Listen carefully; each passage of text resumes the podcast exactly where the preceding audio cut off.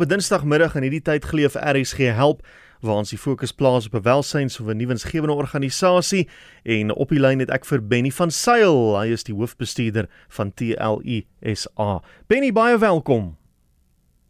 Goeiedag Willem en baie dankie dat ons saam met mekaar kan kuier.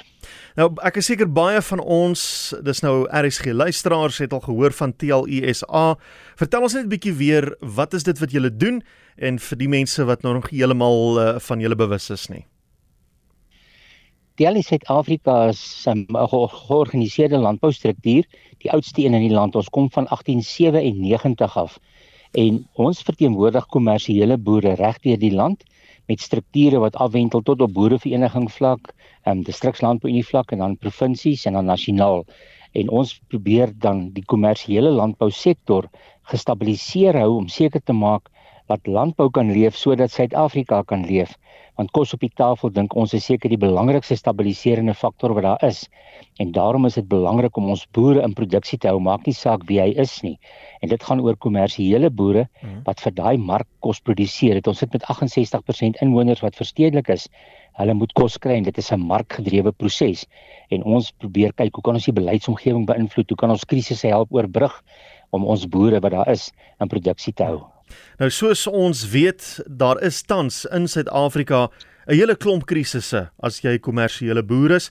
Dis nie 'n maklike bedryf om in te wees nie. Wat doen julle om hierdie mense te help op 'n praktiese vlak nou?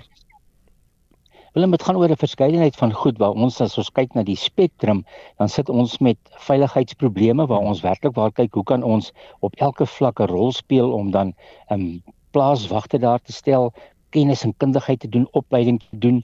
Dit is op baie terreine. Ons werk in die beleidsomgewing vlak waar ons gaan kyk in hoe mate kan ons 'n meer vaartbelende beleidsomgewing daarstel. Ek dink dit is die kern van baie van Suid-Afrika se probleme. Maar dit nou daar gelaat, maar dan kyk ons ook na praktiese rampe, rampbestuur terwyl ons en dit is hartseer, ongelukkig in 'n groot mate afwesige regering het hmm. wat nie rampbestuur doen of betyds doen nie en dan eintlik meer fokus op die klein boere in steede van die kommersiële sektor en daar is ons op gemeenskappe en op onsself aangewese en boere help mekaar en gemeenskappe reik uit en ons doen die verband So so baie ander rolspelers waarvoor ons baie dankbaarheid het, doen ons groot werk om te kyk wat kan ons doen om boere te help oorbrug met tye van veldbrande, vloede, droogte wat ons op die oomblik nou baie intens in twee groot gebiede ervaar. Hmm. Wanneer 'n mens so na die nuus kyk en luister, dan kry mens soms die indruk of dit nou reg is of verkeerd is dat die kommersiële boere en die regering nie vir mekaar hou nie. Hulle staan vyandig teenoor mekaar vir watter rede ook al. Is dit 'n regverdige siening of is daar sekere redes daarvoor of is dit net hoe dit van 'n afstand af lyk? Willem, dit is 'n debat op sy eie en ek dink 'n mens moet dit behoorlik met mekaar bespreek. Ons het ongelukkig in 'n groot mate 'n regering wat meer ideologies gedrewe is as wat hy ekonomies gedrewe is. Hmm. En landbou is uit en uit 'n ekonomiese saak en dit word deur markkragte gereguleer. En ons beleef so dit dit baie erg eintlik selfs dat 'n LP in die parlement vir my sê hierdie markkragte wat jy van praat, wat is dit? Waar kom dit vandaan? Met ander woorde, daar's nie ekonomiese konteks nie. En dit plaas ons in 'n baie onhoudbare posisie dat jy kan nie 'n ideologie op broodsmeerende volk voed nie, 'n nasie voed nie. Jy het nodig dat daar kos geproduseer moet word en dit is 'n bepaalde baie ingewikkelde proses met kundigheid en kennis en passie en 'n verantwoordelikheidsaanvaarding wat deurlopend deur 'n boer gedoen moet word. En daar's baie boere in die land wat dit doen, swart en wit. En ek dink dit is belangrik dat ons fokus moet wees op watter boere gaan vir ons deur die markkragte geëvalueer word dat die beste boere vir ons die kos kan produseer. En wat vir my interessant is, dis nie 'n probleem uniek aan Suid-Afrika nie, as jy kyk na sekere dele in Europa. Ek dink aan uh, Nederland is daar en Frankryk nog eene waar die regering en die boere loodreg van mekaar verskil, maar dit daar gelaat jy dan nog gepraat Benny van sekere droogte getuieerde gebiede in Suid-Afrika waar dit bietjie beroerd gaan in hierdie stadium. Vertel ons meer daaroor. Willem, ja, dit is 'n baie hartseer saak en dit is Suid-Afrika se realiteit. Ons is eintlik 'n marginale landbouland en daarom dink ek ons kan trots wees op van die beste boere in die wêreld want ons bly steeds 'n uitvoerder van kos. Hmm. Dit natuurlik as ons infrastruktuur in die hawens dit kan hanteer, maar dit nou daar gelaat. Ehm um, ons ons ons boere produseer, hulle produseer ongelooflik in hierdie toestande, maar ons het al geleer ken dat ons kom deur fluktuasies van droogte tye en rampe op watter wyse ook al. En ons beleef in 'n groot deel van die Noord-Kaap het daar 'n 8 jaar droogte geloop. Hy het so een keer nou gereën en nou het hy weer weggeraak na in die Kenhardt omgewing. Daai boere bloei. Hulle is regtig waar groot groot uitdagings. Weet jy, dis van die beste boere in die wêreld wat daar sit en hy kan nie help nie. Die veiding is net weg. Hoe moet hy nou maak? En dan het ons nou in die in noord in die noordelike deel van ons land, daar in die Limpopo provinsie, het ons daar van Tabazimbi af op Koenusrand se kant toe, het ons dieselfde krisis op die oomblik dat daar net mooi niks is nie. Die boere het al lankal hulle kuddes gesny na kernkuddes toe en nou is hulle by die punt van ekonomiese volhoubaarheid.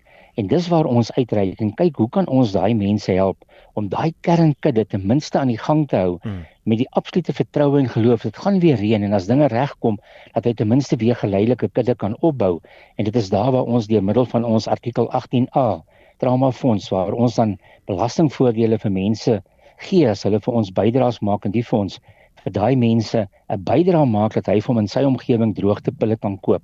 Hier's baie maniere hoe mense help. Mm. Ons het deur tyd geleer dit is vir ons nie finansiëel bekostigbaar of vir die moeite werd om voer van hier af sê byvoorbeeld af te ry Calvinia toe nie. Die vervoerkoste is net te veel. Ons gaan gee eerder vir daai ou X bedrag geld en hy kan daar plaaslik vir hom droogtepille koop. Ja. Ons voel ons rand kom verder. Ons help die mense meer. En ons trauma fonds het 'n beginsel neergesit en ons is dankbaar daaroor. Elke sent wat inkom, gaan uit. Ons is geregtig om 'n bedrag administrasie vir te hou. Ons doen dit nie. Hmm. Ons het gesê hierdie is bloedgeld. Dis geld wat mense gee om mense te help. En daarom sê ons as mense daar 'n bydrae maak, gaan dit net so deur na die boere toe op watter wyse ons ook al dan op daai stadium dit die beste kan toegedeel kry in samewerking met die mense op grondvlak. Daar's nog baie ander dinge wat julle ook doen behalwe om boere te help met uh droogte en probleme wat die droogte meebring, maar voor ons daarby uitkom wil ek net vinnig julle kontakbesonderhede kry en hoe mense met julle kan kontak maak en 'n bydrae kan lewer uh, om te sorg dat ons uh, boere aan die gang kan bly sodat ons kos op die tafel kan kry. Sal jy ons daar vir ons gee Benny asseblief? Sekerlik Willem, weet jy ek dink die maklikste is as as mense um, gaan kyk na ons webbladsy. Dis die maklikste om toegang te kry en te onthou. Mm. Dit is maklik www.tlu.co.za tlu.co.za hulle kan dit gaan opkyk en dan kan hulle daar al die besonderhede kry van hoe om ons te kontak inligting ook oor hierdie hele projek wat ons nou weer opnuut dryf om te kyk vir hulp vir boere met die droogte kan hulle dan ook al die inligting daar kry om dan te sien hoe kan hulle by ons trauma fonds uitkom as hulle dan op daardie wyse vir ons graag 'n bydrae wil maak. Ons sê dankie vir verbruikers en TLC Suid-Afrika sê altyd dat die belangrikste rolspelers in hierdie hele waardeketting is die kommersiële boer, daai wat kos produseer en die verbruiker, die mark. As daai twee rolspelers nie was nie, het ons nie 'n waardeketting gehad nie. Al die ander rolspelers is afhanklik dat hierdie twee rolspelers funksioneer en effektief is. Vat die boer weg, dan sink jy die hele hmm. stelsel en daarom is dit vir ons belangrik om te kyk in hoe mate kan ons seker maak dat ons hierdie eintlik ernstige hekkies kan oorbrug. En is altyd die verbruikers wat ook agteroor buig en vir ons hier bydraes maak en ons haal ons hoed vir hulle af en sê baie dankie dat ons op hierdie wyse mekaar se hande kan sterk maak sodat julle ook gesonde kos op die tafel kan kry. Iets anders wat my oog gevang het en dit is nogal vir my interessant en ek wonder hoeveel mense weet julle verskaf hierdie diens. Beradingsdienste aan slagoffers en naasbestaandes van geweldsmisdade op plase en landbouhoewes. Hoe werk so iets? Weet jy Willem, ja, dit is 'n ding wat ons baie dankbaar is dat dit van die grond gekom het. Ons sien net ons sien daar's 'n verskeidenheid van instansies wat hierdie verantwoordelikheid aanvaar het oor tydperk heen. En ek wil werklik sê dankie vir spesifiek die hervormde kerk. Hulle het die inisiatief geneem na ons 'n besoek by hulle gehad het en hulle verduidelik het van dit wat ons doen met trauma ontlonters. Het hulle gesê ons moet verder gaan. En toe het hulle die inisiatief geneem om al die rolspelers, die kerke en dan ook Afriforum, Agri Suid-Afrika, onsself um, ons kan die ry afgaan 'n hele spektrum van organisasies bymekaar te kry en ons het nou ook 'n trauma netwerk gevestig waar ons hierdie trauma kundigheid wat bestaan dit is trauma ontlonters maar ook trauma beraders het ons reg deur die land nou 'n spektrum van mense wat mense kan bystaan in tye van nood wat ook al dan die trauma is en ons is baie dankbaar daaroor dit is natuurlik een saak as iemand werklik waar vir 8 jaar droogte het en daar vrek sy laaste skaap, mm. dan skop depressie maklik in en dit is sulke ja. tye wat ons sê dat gemeenskappe ook mekaar moet hande vat. Ons sê vir 'n boer, kry 'n vriend elkeen en bel hom twee keer 'n week en hoor hoe gaan dit en as dit nodig is, dat ons trauma ondersteuning kan gee om 'n persoon ook deur sulke tye te kry. So die landbougemeenskap vat mekaar se hande, maar nou is daar gespesialiseerde kundige ook by al hierdie plekke. Ons het ons in ook op die tafel gesit, maar ook so die baie ander en op die oomblik dek ons die hele land deur middel van hierdie netwerk wat baie goed saamwerk en ons het groot waardering daarvoor. Benny, ek sal nog baie lank met jou kan gesels. Boerdery is iets wat my en baie van ons RSG luisteraars na in die hart lê en daar's soveel aspekte waaraan mens kan raak, maar ons moet nou eers haltroep vir daarso. Baie dankie vir die saamgesels. Ek gaan nie die besonderhede herhaal en dan voorspoed vir julle en dankie vir die werk wat julle doen. Baie dankie Willem, 'n groot waardering ook vir die geleentheid en ons het waardering vir die media wat altyd die landbou boodskap so lekker uitdra.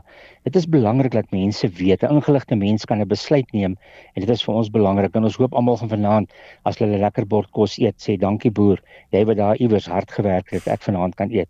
Ons het waardering. Absoluut. Dis Benny van Sail, hoofbestuurder van TLUSA. Besoek gerus hulle webwerf, hulle doen wonderlike werk. Uh hierdie wat ons nou oor gepraat het, ons het maar net na die oortjies van die seekoei gekyk, gaan kyk bietjie wat hulle nog alles doen en kyk hoe jy betrokke kan raak en 'n bydrae kan lewer. www.tlu.co.za